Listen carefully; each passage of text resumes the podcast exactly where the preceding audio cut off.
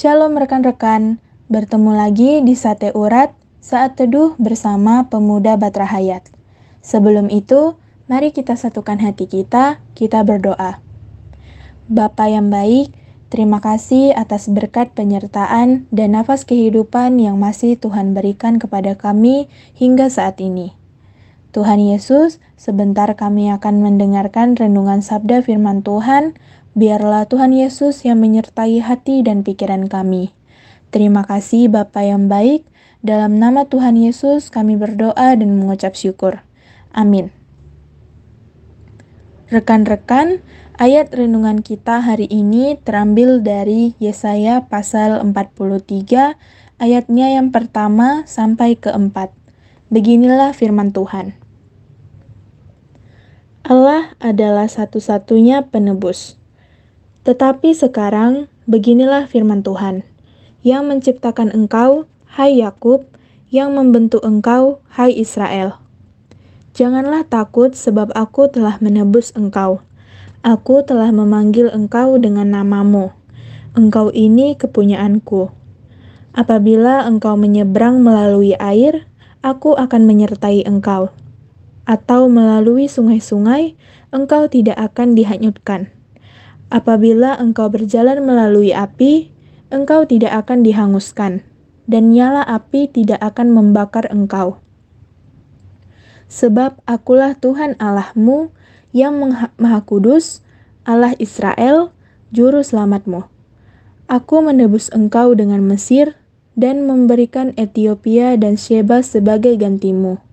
Oleh karena engkau berharga di mataku dan mulia, dan aku ini mengasihi engkau, maka aku memberikan manusia sebagai gantimu, dan bangsa-bangsa sebagai ganti nyawamu.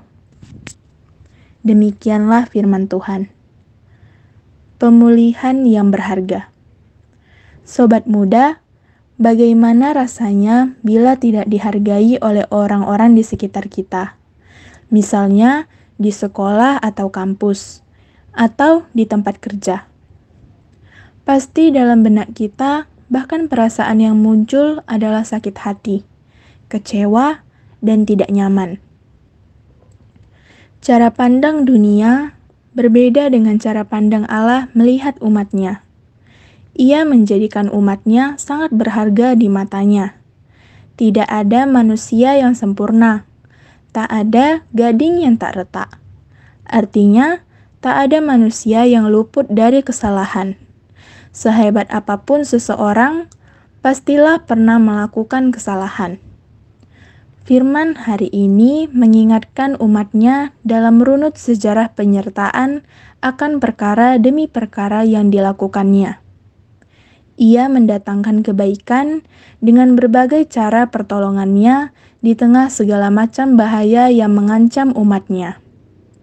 Penyertaan dikarenakan Tuhanlah yang membentuk, memanggil, dan menjadikan Israel kepunyaannya. Bahkan berharga di matanya.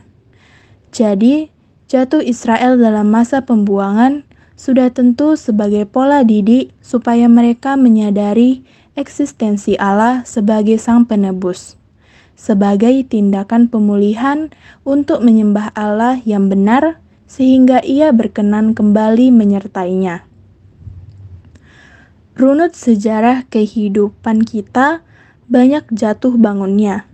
Hal itu menjadi refleksi agar menyadari benar bahwa begitu berharganya kita di hadapan Tuhan yang selalu memulihkan.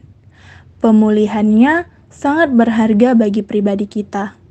Jangan abaikan penyertaan Tuhan dalam hidup kita, dan jangan lalai untuk menghadirkan talenta-talenta kita selaku orang muda yang berkualitas dan berdaya guna. Milikilah semangat keberanian untuk mengembangkan potensi-potensi diri.